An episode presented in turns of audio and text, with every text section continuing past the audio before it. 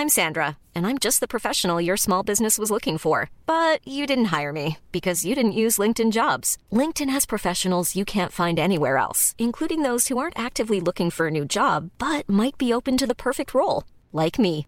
In a given month, over 70% of LinkedIn users don't visit other leading job sites. So if you're not looking on LinkedIn, you'll miss out on great candidates like Sandra. Start hiring professionals like a professional. Post your free job on linkedin.com/people today. Ready to pop the question? The jewelers at BlueNile.com have got sparkle down to a science with beautiful lab-grown diamonds worthy of your most brilliant moments. Their lab-grown diamonds are independently graded and guaranteed identical to natural diamonds, and they're ready to ship to your door. Go to BlueNile.com and use promo code LISTEN to get $50 off your purchase of $500 or more. That's code LISTEN at BlueNile.com for $50 off. BlueNile.com code LISTEN. Hey, it's Paige DeSorbo from Giggly Squad. High quality fashion without the price tag. Say hello to Quince.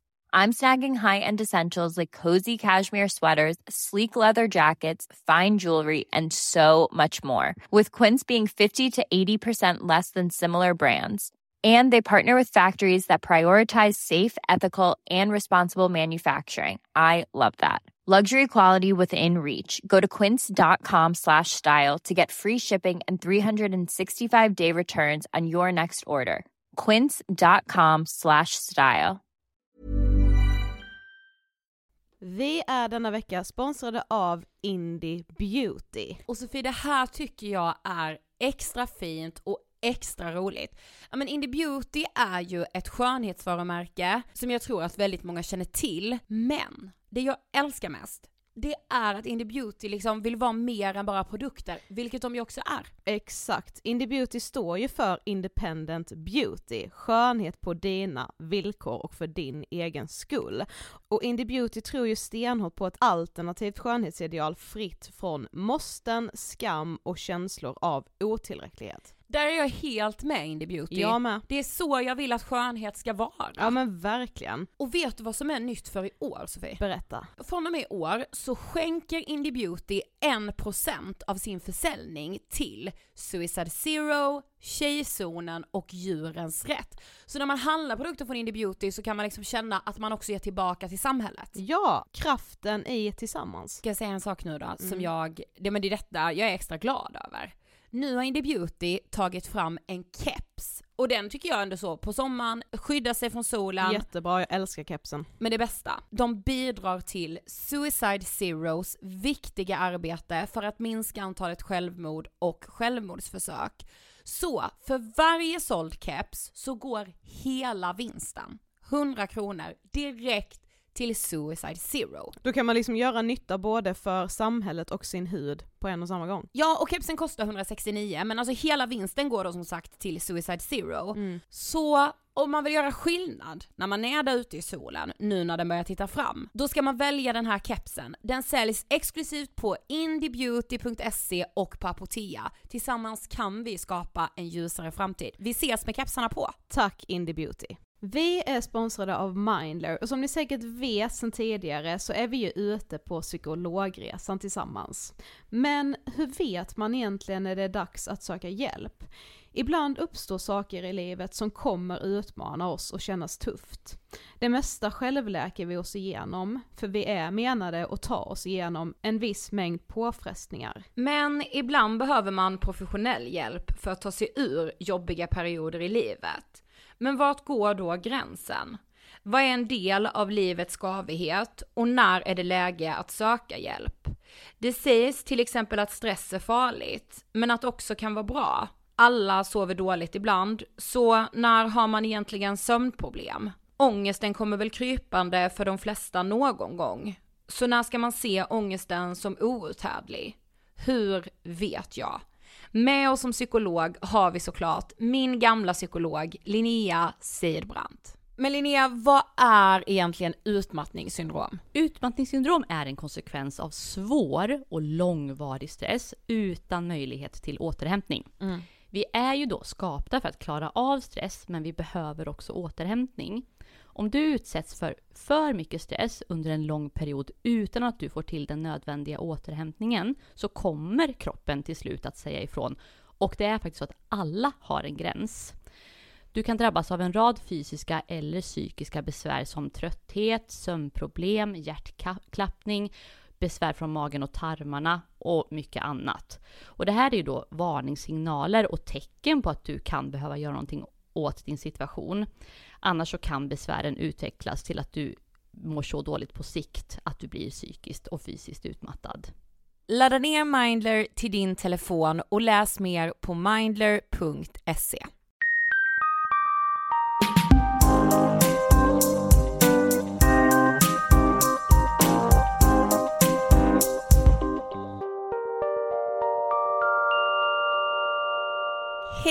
Hej på er! Avsnitt 386 av Ångestpodden här. Jag och Sofie sitter i studion och mår. Prima! Ja, vi mår ganska bra. Ja, jo men det får jag ändå säga. Ja, alltså så lite ångest, lite så livet. Ja, lite så vanliga skavigheter men inget så extraordinärt. Nej nej, alltså vår kampanj tre minuter rullar på, passerat goda 150 000 visningar. Yes. Eh, Och jag... över 7000 namn på vår namninsamling. Otroligt! Ja. Vadå jag läste en så fin sak, jag bara det här ska jag säga i podden. Okej. Eh, igår på Twitter, så skrev Anna Diaz så här, drömgäst i Ångestpodden då. Och jag är typ aldrig inne på Twitter längre för jag har blivit hackad. Då skriver hon så här. Vi får ändra oss. Vi får välja något annat, byta spår. Det är tillåtet. Även om vi verkligen inte tyckte så innan. Det är inte ett misslyckande att ändra sig. Det är en styrka. Mm, det är så sant. Alltså jag, kommer tyckte det var så det var ett av våra, alltså ibland kan jag se tillbaka på avsnitt som vi har gjort. Ja. Ehm, alltså nu har vi ändå poddat så pass länge och man har ju liksom man har ju ändå gjort någon slags mognadsresa i tänket får jag ju ändå säga. Ja, nu pratar jag bara för mig oss. själv. Ja. Eh, men ibland kan jag bli väldigt glad och stolt men också minnas tillbaka att jag inte förstod storheten i vissa saker vi sa i tidiga avsnitt. Ja. Typ som så här, man får ändra sig och sen får man ändra sig igen. Vi har ett Jättefint. avsnitt som heter det. Ja men jag vet, men det Och så, här, så jag fattar, ja och där och då fattade jag nog inte hur, alltså hur en sån sak kommer prägla mig genom hela livet. Mm.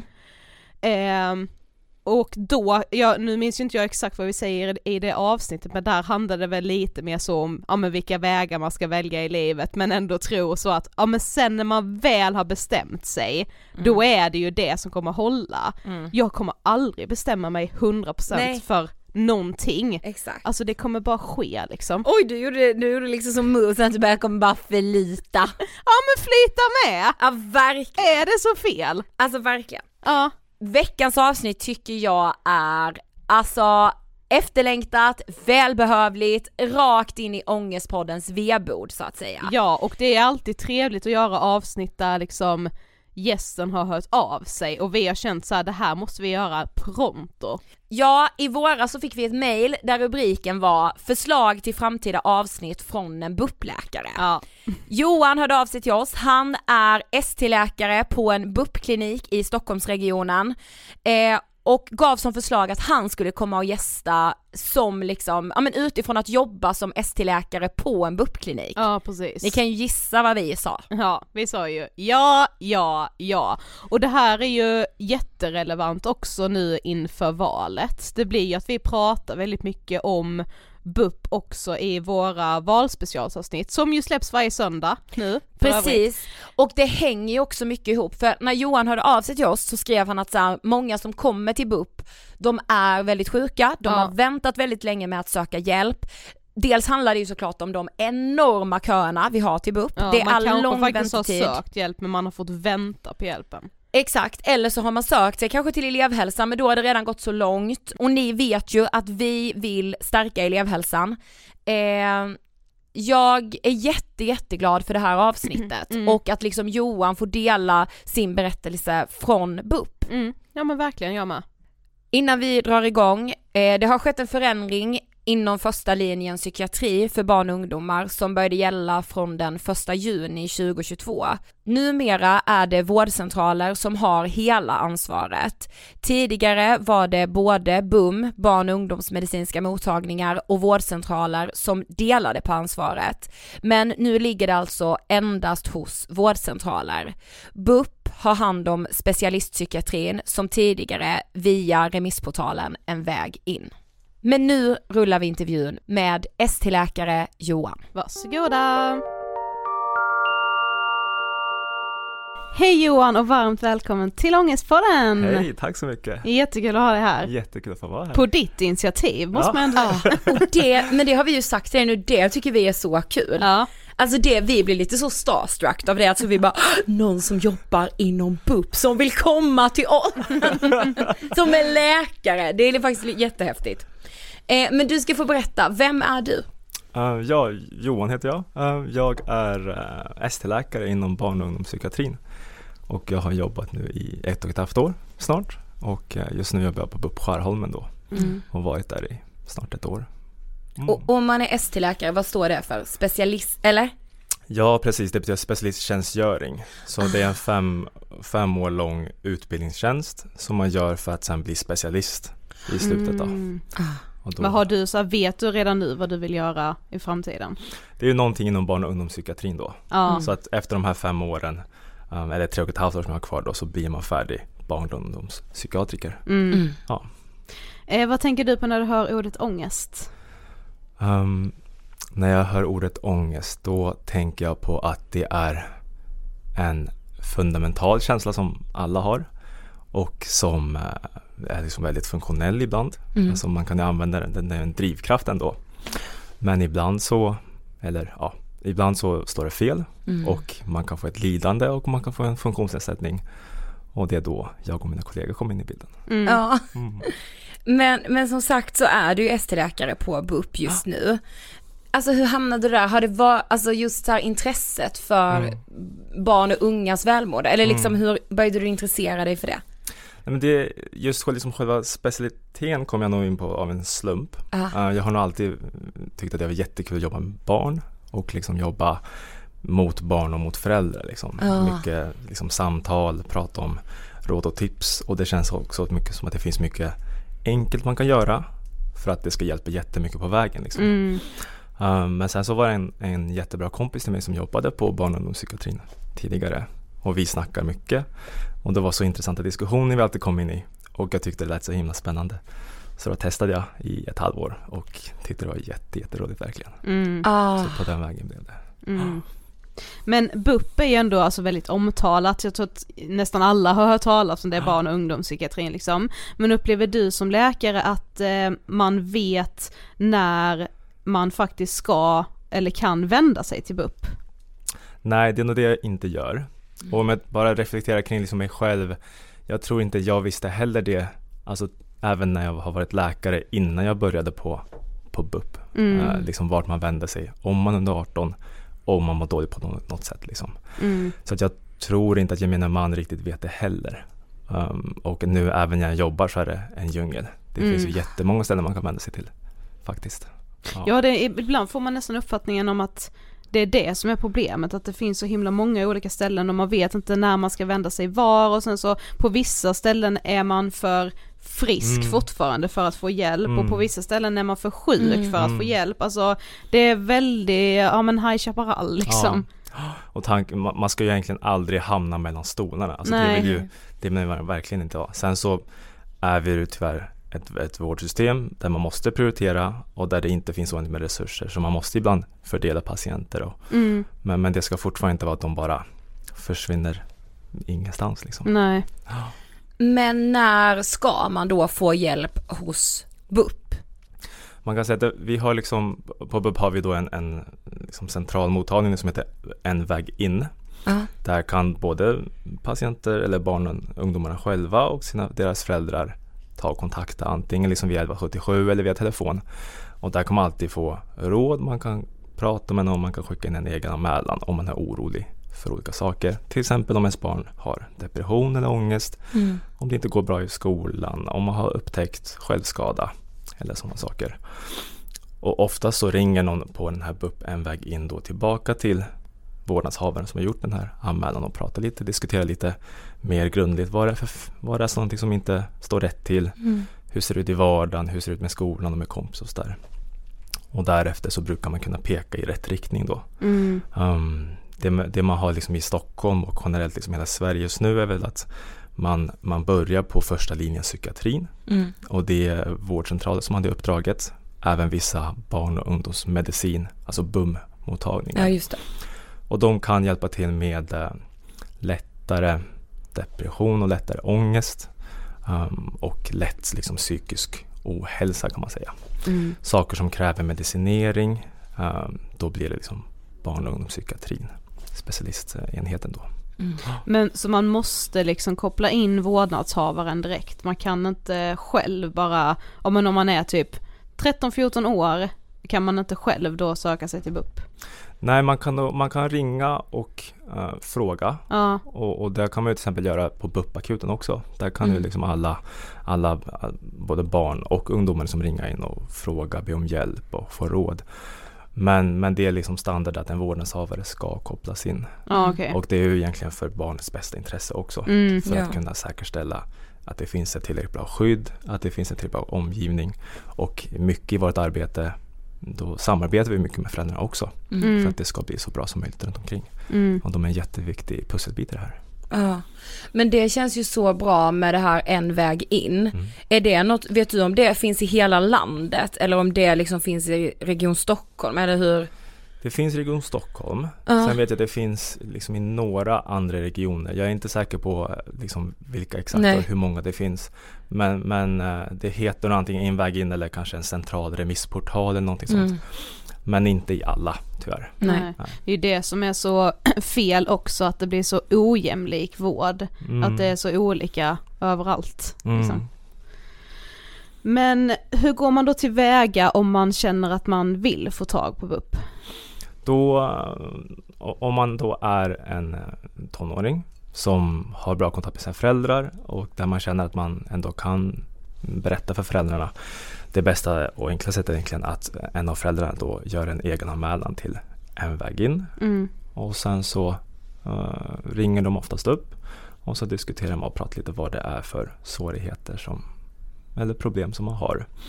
Och då så blir man, om, om man då till exempel har med jättemycket tankar på självmord och Mm. nedstämdhet och man orkar inte gå till skolan till exempel. eh, Och kanske inte har varit på skolan på tre, fyra veckor. Då. Men då eh, tänker man kanske att det här behöver bedömas inom BUP. Och då blir man fördelad till den BUP som man bor närmast. Ja, Ja. just det. Mm. Så jag som bor vid BUP Skärholmen, då har vi liksom ja, men, delarna runt omkring där. Liksom. Mm. Mm.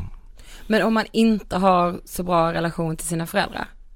Ja, då kan man ju ringa in själv. Mm. Oftast i det samtalet så blir det att, att kanske den på andra änden då, vilket ofta är en kurator eller en psykolog då, kanske säger så här, men du jag måste nog ringa och prata med någon av dina föräldrar ändå, går det Mm. bra? Och det är för att jag vill få ut så mycket information som möjligt och för att jag ska få en bättre bild av hela, hela läget. Mm. Mm. Ja för det var många som skrev till oss när vi, vi sa ju att du skulle hit Mm. och då var det många som skrev just om det med att, ja men har ni tystnadsplikt för jag vill inte berätta för mina föräldrar och du Mm. skrev ju också det till oss att anledningen många gånger till att man inte har sökt hjälp Mm. eh, så tidigt och att man har väntat nästan Mm. för länge är för att man inte vill berätta Mm. för sina föräldrar. Alltså tänker du att man liksom ska råda bot på det? Mm. Ja, alltså vi har, vi har tystnadsplikt, man kan säga, men inte mot saker som uh, be, vårdnadshavarna behöver veta för att kunna skydda sitt barn. Ja, Ehm, och mm, jag tänker att ehm, det finns ju liksom olika grader av hur dålig relation man har med sina föräldrar till exempel. mm, Ehm, det kan ju vara så att man bråkar väldigt mycket eller man Mm. kastar saker på varandra. Men det, man, man bor ju kanske fortfarande under samma tak Ja. och man, man älskar säkert varandra på något sätt fortfarande. Va? Och om det skulle hända något med alltså, ungdomen själv så skulle föräldrarna säkerligen må väldigt dåligt. Ja. Och tänka och önska att man hade gjort någonting åt saken. mm, Och det är ju också kanske något som behöver vi behöver hjälpa till med eller socialtjänsten behöver hjälpa till med att liksom brygga det här förhållandet och hjälpa till i den relationen. ja, Just det. Mm. Ja, det känns ju med väldigt viktigt att Mm. man liksom ja men att påminna om att BUP och socialtjänst, alltså de är ju faktiskt där för att hjälpa till. Mm. Eh, och även i liksom en komplicerad relation många gånger. Mm, ja, men jag tänker också att det här, just samtalet kring psykisk ohälsa har ju ändå blivit mycket bättre, kanske framför allt då bland den yngre generationen, Mm. men att den, det behöver ju ske över generationerna också. Absolut. Ja. Ja. Men du sa ju med att du jobbar på BUP-akuten. Mm. Eh, f- f- vet du om det finns BUP-akuter, alltså är det också liksom över hela landet? Det ska finnas en i varje region. Ah, just Ja. det. Mm. Så när, när vänder man sig då till BUP-akuten och när vänder man sig till bara vanliga BUP liksom? Alltså BUP-akuten det är ju en liksom akut psykiatrisk mottagning för barn och ungdomar. Mm. Så, att, så att där träffar vi patienter som eh, har tankar på att inte vilja leva, eh, har antingen planer eller kanske har gjort något suicidförsök precis. Mm. Eh, vi träffar också patienter som eh, kanske befinner sig i en pågående psykos eller mani. eh, allvarliga ä- ätstörningar. Saker som där vi tänker att men det här måste liksom in akut, akut. Um, ibland, eller med väldigt många psykiatriska sjukdomar så mår man ju väldigt dåligt i vågor. Mm. Det kan ju komma liksom en akut försämring, sen så blir det liksom lite bättre. Och blir man då väldigt orolig antingen om sig själv, om man är tonåring eller barn, eller om ens föräldrar eller närhet blir väldigt orolig, då ska man absolut söka sig dit. Mm. Sen finns det ett telefonnummer och det finns ett nummer man kan ringa dygnet runt. Mm. Eh, och då kan man också först plocka upp luren och, och fråga om man känner sig lite osäker. Ja. Men till den här akuten kan man bara åka precis som en vanlig akut, Ja. man bara åker in Absolut. direkt. Ja, Ja. det kan man. Mm. Och det är ju och nu, eh, min upplevelse och varför jag kontaktade er var ju som Mm. sagt, det är många som har sökt akuten och utan att haft någon kontakt med antingen BUP eller första linjen tidigare utan de har liksom hållit på det här länge. Ja. Och då är det ju svårt också att göra en långsiktig lösning. Eller det går inte att göra en långsiktig lösning på BUP-akuten. Liksom. Nej, exakt. Nej. Utan då får man hjälpa till med en första kontakt och det tar oftast lite tid som det gör inom vården Mm. um, för att få den kontakten och för att liksom kolla lite läget, utreda som vi kallar det, för Mm. vad det är för någonting vi hjälper till med. Ja för du upplever alltså att de som, många av de som söker sig till BUP-akuten, det är liksom deras första kontakt med vården? Ja. Eller Ja. många och många, men det är en del. Ja. Och jag tycker det är liksom för många. Ja. Ja. Um, det är ju, ja absolut. Mm. För när man liksom börjar prata med lite grann så har det varit svårigheter under en längre tid. Uh, vissa gånger så f- föräldrar, föräldrar försöker själva liksom att hjälpa till så gott det går. Mm. Um, men då har liksom sjukdomen då eller försämringen varit snabbare än vad föräldrarna kunnat hjälpa till med. Ja. Men vad skulle du säga då, är liksom, vad är det man söker hjälp för idag? Den, den, ja, den vanligaste sökorsaken vi har tror jag nog är ångest. Mm. Alltså ångest och depression. Sen så är det mycket koncentrationsstörningar och sociala svårigheter men då får vi framförallt remisser från skolan som uppmärksammar det då. Ja. Att det är något som inte funkar. Um, men från liksom familjerna själv eller från, från patienter själv så är det oftast ångest och nedstämdhet. Mm. Ja. Oftast då kopplat till mm, ja, någonting i omgivningen. Skolan, familjerelationer, någonting sånt. Mm. Jättehöga prestationskrav som inte fungerar med ja, hur man själv fungerar liksom och så. Mm. Ja, för vi tänkte också det att så här, senaste åren så ser man ju att den psykiska ohälsan bland barn och unga har ökat. Hur märker ni av det på BUP? Vi märker det genom att det är eh, dels många fler patienter som söker sig eh, till oss Mm. via första linjen. Vi märker också med att det är högre eh, söktryck på BUP-akuten Mm. och också på det att de som söker på BUP-akuten som jag sa tidigare är ju de som inte har haft någon kontakt tidigare med, med BUP då. Mm. Och vi märker också till viss del genom att våra köer blir lite längre. Ja. Mm. Men egentligen så är det ju som att media har gett två bilder av den här situationen kring psykisk ohälsa. För dels så är det ju alla de här ja, men rubrikerna om att psykisk ohälsa ökar lavinartat och unga människor mår sämre än någonsin. Eh, men sen har man ju även börjat prata om ifall det är så att den här yngre generationen söker hjälp i större utsträckning och kanske söker hjälp för liksom ganska citationstecken nu lätta problem. Mm. Eh, alltså hur upplever ni det som ändå jobbar i det här? Söker många ungdomar hjälp fast de egentligen inte behöver hjälp? Oj, det var en bra fråga. Jag kan nog inte svara på den riktigt med tanke på att jag sitter på specialistpsykiatrin. Mm. Hade jag nog suttit på liksom en väg in så hade jag kanske kunnat svara på en lite enklare. Mm. Um, mm, men eh, jag tänker att man man ska ju alltid få söka och fråga om man Mm. har svårigheter eller problem med saker som man behöver fundera. Sen så eh, One size fits all seemed like a good idea for clothes Nice dress. Uh, it's a it's a t-shirt. until you tried it on. Same goes for your healthcare. That's why United Healthcare offers a variety of flexible, budget friendly coverage for medical, vision, dental, and more. So, whether you're between jobs, coming off a parent's plan, or even missed open enrollment, you can find the plan that fits you best. Find out more about United Healthcare coverage at uh1.com. That's uh1.com. You should celebrate yourself every day, but some days you should celebrate with jewelry. Whether you want to commemorate an unforgettable moment or just bring some added sparkle to your collection, Blue Nile can offer you expert guidance and a wide assortment of jewelry of the highest quality at the best price. Go to BlueNile.com today and experience the ease and convenience of shopping Blue Nile, the original online jeweler since 1999. That's BlueNile.com. BlueNile.com. Hey, it's Ryan Reynolds, and I'm here with Keith, co star of my upcoming film, If, only in theaters, May 17th. Do you want to tell people the big news? All right, I'll do it. Sign up now and you'll get unlimited for $15 a month and six months of Paramount Plus Essential Plan on us. Mintmobile.com slash switch. Upfront payment of $45 equivalent to $15 per month. Unlimited over 40 gigabytes per month. Face lower speeds. Videos at 480p. Active Mint customers by 531.24 get six months of Paramount Plus Essential Plan. Auto renews after six months. Offer ends May 31st, 2024. Separate Paramount Plus registration required. Terms and conditions apply if rated PG.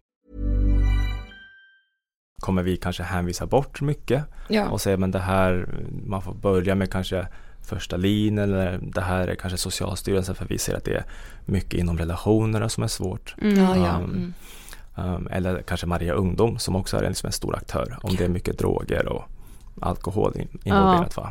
Och då kanske man får söka sig dit istället. Mm. Men man ska ju aldrig vara rädd för att mm, liksom, lyfta upp telefonen eller skicka ett meddelande för att, för att fråga tycker jag. Mm. Mm, Också det bra- känns så viktigt. Ja och verkligen bra med att så det finns telefonnummer att ringa, Mm. man behöver inte känna att man ska ta det här fysiska steget att gå till en Nej. mottagning för det kan ju med vara, göra att man väntar för Ja. länge.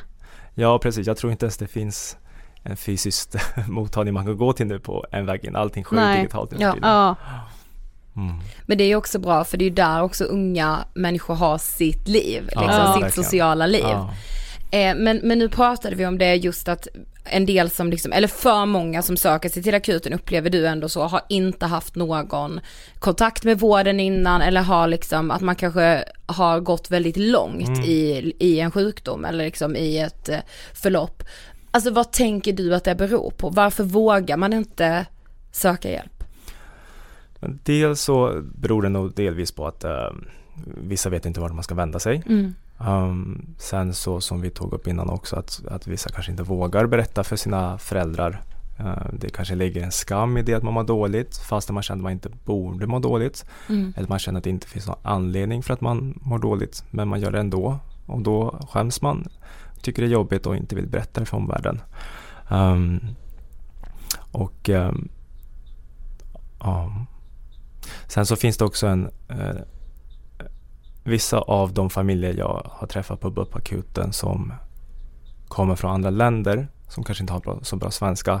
De vet ju absolut inte vart de ska vända sig. nej. De kanske inte ens vet att det finns liksom hjälp att få på det sättet Just det. faktiskt. Men kan ni känna ändå som jobbar i det att det finns, vad ska man säga, alltså typ att det finns fördomar kring BUP som gör att man inte heller söker hjälp, alltså typ att man hör så, ja men en kompis som har jättedåliga erfarenheter eller att så, ja men man vi har ju bara bilden av att om du söker dig till BUP så blir, blir du bara ställd i kö för att Mm. köerna är jätte, jättelånga. Mm. Alltså, Ja, jag, alltså min personliga tanke och när jag liksom pratar runt med folk i min omgivning mm, är väl att BUP kanske inte har världens bästa rykte. nej, Um, och att det finns mycket Ja, att, att vi kanske inte hjälper till med så mycket eller att det är som du säger mycket långa väntetider, mycket köer. mm, Att det är liksom fråga på fråga på fråga men att det är inte så mycket som blir gjort ändå. Um, och uh, det är ju såklart jättetråkigt att, att, att, vi, att vi har liksom det ryktet eller att det är stämpeln. Um, sen så är det ju eh, svårt att rekrytera läkare till BUP. Det är svårt att rekrytera psykologer till BUP. Så visst, det är en kö som faktiskt växer. Mm. Um, och vi håller på att jobba liksom med hur vi ska men kanske ändra vårdprocessen och ändra flödet så att det blir kanske enklare och närmare och inte behöver ta så jättelång tid. Men det är också någonting vi behöver göra för att det ska bli rätt Ja. diagnoser och rätt behandling. Mm. Um, för att vissa mediciner som vi ger, det är viktigt att vi ger rätt medicin för rätt sak.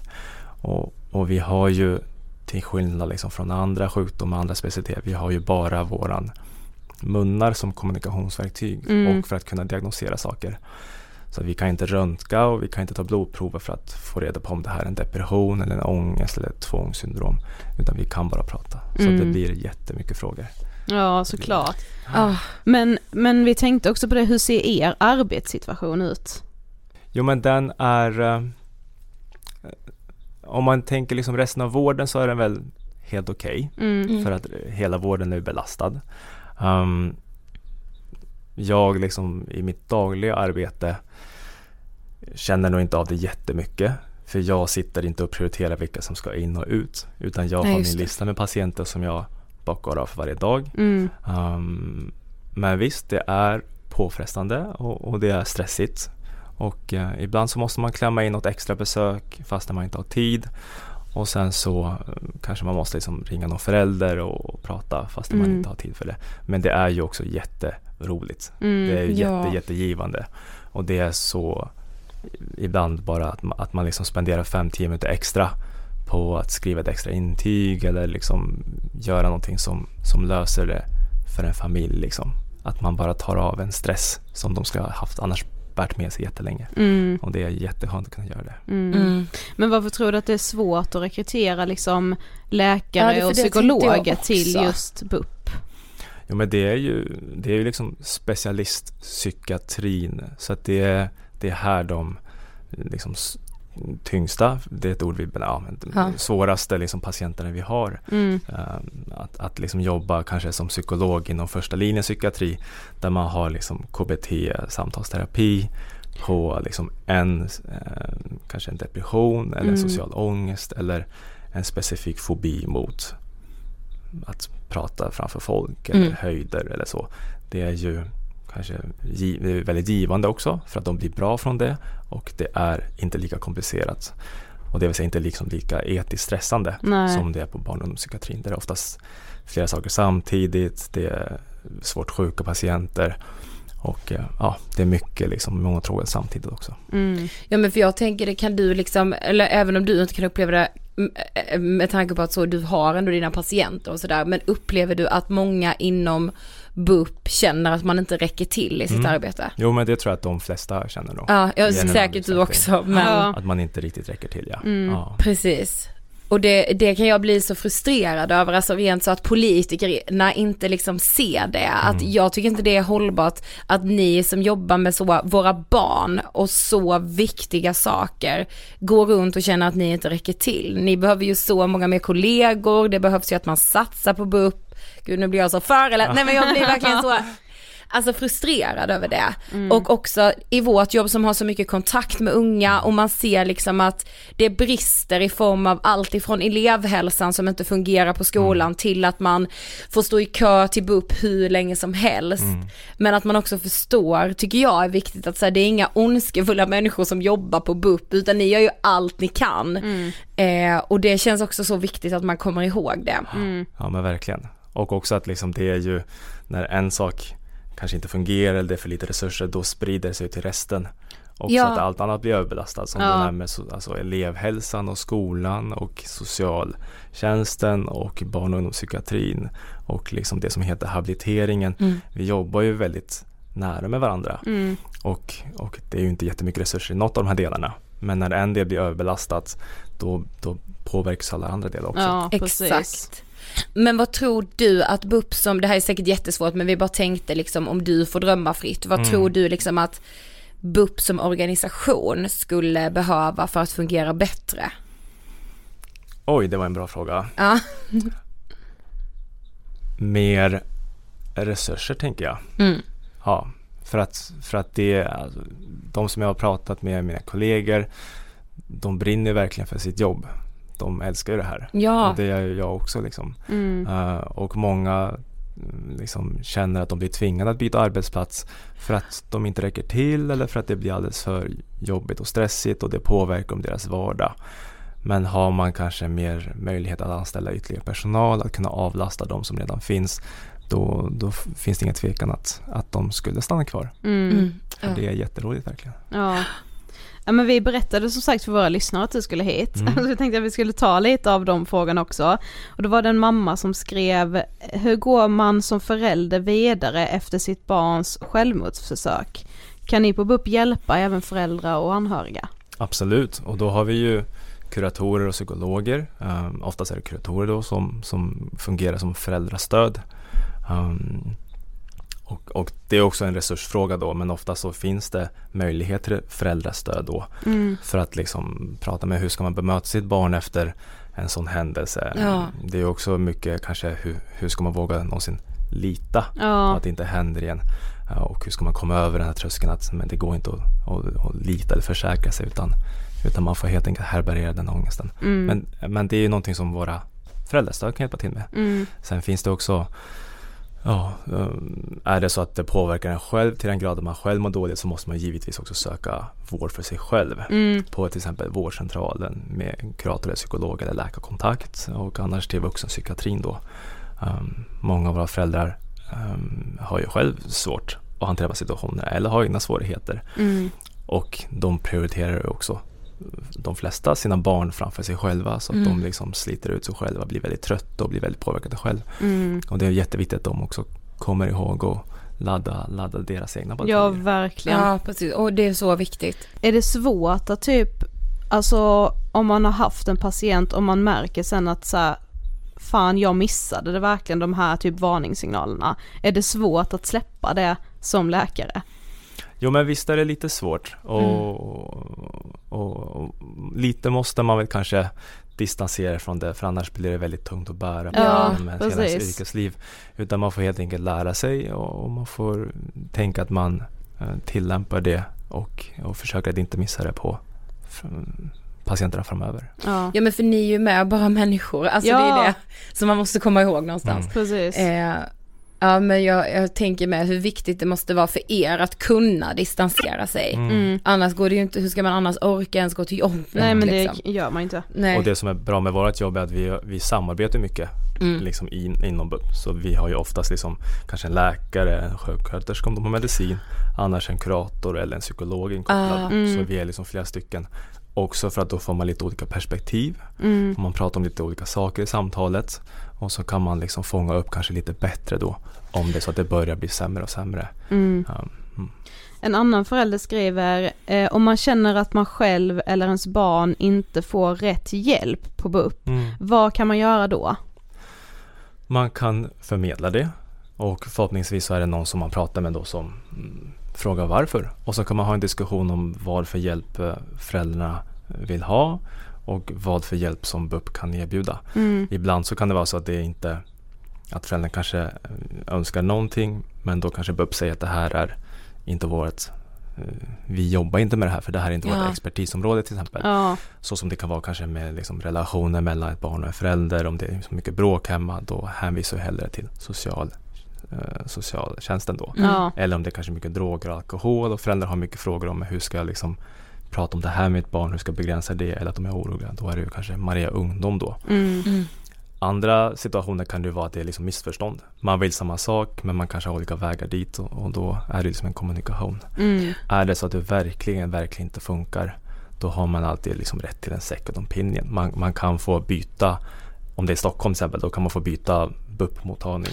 ja, Just det. bra också att veta. Ja. Men det finns ju också, alltså, eller så här, när man söker hjälp så som sagt man kan ju inte börja hos BUP för att man behöver bli remitterad. Men, Mm. men till exempel om man söker hjälp hos sin skolkurator. Mm. Det är många skolkuratorer som menar att deras elever är för sjuka för skolkuratorns uppdrag. Men att köerna är ju för långa till BUP så Mm. de kommer liksom inte in där. Ehm, hur skulle du säga, alltså i en drömvärld, var går liksom gränsen mellan vad till exempel en skolkurator, elevhälsan ska ta Mm. och vad BUP ska ta? Jag, jag tänker nog ändå att i en drömvärld så finns det ingen skarp gräns. Nej. Mm. Utan att de ändå liksom överlappar Ja. till varandra. Beroende på liksom, eh, liksom behandlaren eller kuratorn, psykologens egen kompetensnivå, vad Mm. den känner sig säker med. För det kan också vara att man känner sig olika säker med olika sorters problem eller svårigheter. Ja Mm. exakt. Någon kanske är jättebra på att prata om relationer med kompisar eller mer kanske um, alkohol och droger. Ja. Och någon kanske, annan kanske är jättemycket bättre på att prata om med ångest gällande skolsituationen Mm. eller så. Ja. Um, så att jag tänker att den, så som vi har just nu med både elevhälsan där man kan vända sig, man kan vända sig till första linjen psykiatrin, man kan också vända sig till ungdomsmottagningar, Mm. det finns också Maria Ungdom och sen så finns det oss då liksom. Mm. Att, att finns liksom resurser så att barnet själv kan tänka att den kan få välja lite vart den ska vända sig. Det vore fantastiskt. Mm. Ja. Jag tänker också bra att du säger ungdomsmottagningen för det vet typ ingen Nej. att man Nej. kan vända sig dit för att prata. Där är liksom fortfarande den här stereotypa bilden av att där hämtar man p-piller och kondomer. Ja. Inget annat. Och det är ju liksom väldigt Precis. viktigt att veta också att där finns det också kuratorer som man kan få prata med. Absolut. Ja vi brukar alltid slå ett slag för ungdomsmottagningen Ja, när eh, unga frågar oss att säga jag mår så här, vad tänker ni? Mm. Eh, och när vi säger ungdomsmottagningen då är det oftast vi får Va? så, va? Kan jag vända mig dit? Ja. Eh, så det, ja jag tycker det är jättebra att du sa det. Mm. Då har vi kommit till sista frågan. Vad inspirerar dig? Oj, vad inspirerar mig? Um, mycket folk i min omgivning. Uh, min sambo inspirerar mycket. Hon, hon är väldigt engagerad i olika frågor och inspirerar mig mycket och eh, hennes familj också. Sen eh, mina egna föräldrar och ja, de runt omkring mig som Mm. gör mig till den människan jag är och gör så att jag kämpar för att bli lite bättre varje dag. Mm, fint. Så fint. Tack så jättemycket för ditt arbete och för att vilja gästa Ångestpodden. Tack så jättemycket för att jag fick komma hit. Tack. Tack. Alltså jag tycker ju det är väldigt viktigt också att prata om just alltså personer som jobbar inom vården för att man ju, jag tycker det är jätteviktigt att prata om att vården inte fungerar. Det är klart att vi inte ska blunda för det, men man vill ju heller inte att man inte ska våga söka hjälp. Nej det är, nej, men Alltså verkligen. det jobbar eldsjälar där ute i vården som inte vill något hellre än att hjälpa er som inte mår bra. Verkligen, och inte bara eldsjälar, alltså folk som har ägnat sina liv åt att utbilda sig, som Ja. har liksom, alltså så här, ja men eller så här, eldsjälar är det ju men eldsjälar låter ju som att det är någon ideell liksom rörelse. Nej alltså, men det menar jag ju inte. Nej, nej jag vet men du vet alltså det ordet är ju så kopplat till liksom den ideella rörelsen, alltså så här, men personer som har ägnat sina yrkesverksamma liv åt att ta reda på så mycket de kan, åt att utbilda sig, utbilda sig vidare, specialisera sig, alltså den högaktningen jag har för de här personerna som går till jobbet varje dag trots att de så är underfinansierade i budget av Precis, liksom det är det man inte får glömma bort att så här, det är ju inte, det är klart att det finns eh, personer som kanske borde vara, jobba med något annat, Mm. det finns det överallt. Precis. Eh, och att man kan ha otur med den man träffar. Eh, men överlag så får man ju inte glömma bort att anledningen till varför vården inte funkar är ju liksom inte nere på en individnivå utan det handlar ju om resurser och politiska beslut. Ja, och jag är jätteglad att Johan ville komma till oss och gästa oss, vadå, på tal om att vara duktig på sitt jobb, alltså förlåt, Ja. energin Johan hade. Mm. Jag bara, ja, alltså, Smartheten också. ja han var så smart, nej men den energin i att så här trygg, förstående, Mm. jag är ju så glad att just han jobbar på en BUP-klinik Ja verkligen. och träffar barn och unga. Tack så jättemycket Johan för att du ville komma och gästa Ångestpodden. Och det kommer ju alltså ett ytterligare partiledaravsnitt nu på söndag. Eh, tack för alla fina liksom, tillrop om dem, alltså vi vill göra valet så enkelt som möjligt för er. Eh, utifrån vår hjärtefråga, 7000 namn på tre minuters eh, namninsamling. Mm. Tycker det är för lite? Ja, det är klart att vi ska upp, men jag tycker också att det är väldigt härligt att se ett så stort engagemang. Jag kommer ge er en liten challenge. Ja. Gud att jag är så YouTube-serie, nej men jag kommer ge er en challenge. Det är att om du inte redan har skrivit under, alltså då är det hög tid, 3minuter.se, men också att alla ni som hör det här nu, Många av er frågar oss så här, men vad kan jag göra för att stärka liksom elevhälsan? Vad kan jag göra för att motverka psykisk ohälsa? Gör så här. sprid vår namninsamling till en person. Det är konkret, det är att ändra politiken, det är att göra Sveriges framtid bättre. Snälla, snälla gör det. Man är hjärtlös om man inte gör det här. Man är hjärtlös om Åh, skriver under den här. Ja. Ja. verkligen, jag står för det. Ja. Ja men gör det, ni kan absolut hjälpa oss genom att sprida namninsamlingen och all info finns ju, om man tycker liksom att så, nu var det här brandtalet lite för tunt, då finns jättemycket info på 3minuter.se, även en rapport som vi har gjort tillsammans med vår praktikant Maja, som ju är baserad på enkäter som vi har gjort med både skolkuratorer och skolelever och våra fokusgrupper. Eh, så den är liksom tagen direkt ur verkligheten. Den är också så pass eh, mastig så att man får göra den som ett snitt på Sverige. Ja. Vi har säkrat upp. Det har vi. Kul vi att hörs mig. alltså på söndag. Annars som vanligt nästa torsdag. Mm. Hej då!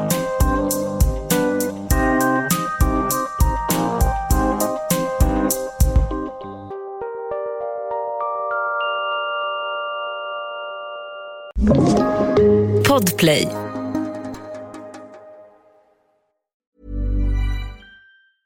Mom deserves the best, and there's no better place to shop for Mother's Day than Whole Foods Market. They're your destination for unbeatable savings, from premium gifts to show-stopping flowers and irresistible desserts. Start by saving 33% with Prime on all body care and candles. Then get a 15-stem bunch of tulips for just $9.99 each with Prime. Round out Mom's menu with festive rosé, irresistible berry chantilly cake, and more special treats. Come celebrate Mother's Day at Whole Foods Market. Mom deserves the best, and there's no better place to shop for Mother's Day than Whole Foods Market. They're your destination for unbeatable savings, from premium gifts to show-stopping flowers and irresistible desserts. Start by saving 33% with Prime on all body care and candles. Then get a 15-stem bunch of tulips for just $9.99 each with Prime. Round out Mom's menu with festive rosé, irresistible berry chantilly cake, and more special treats. Come celebrate Mother's Day at Whole Foods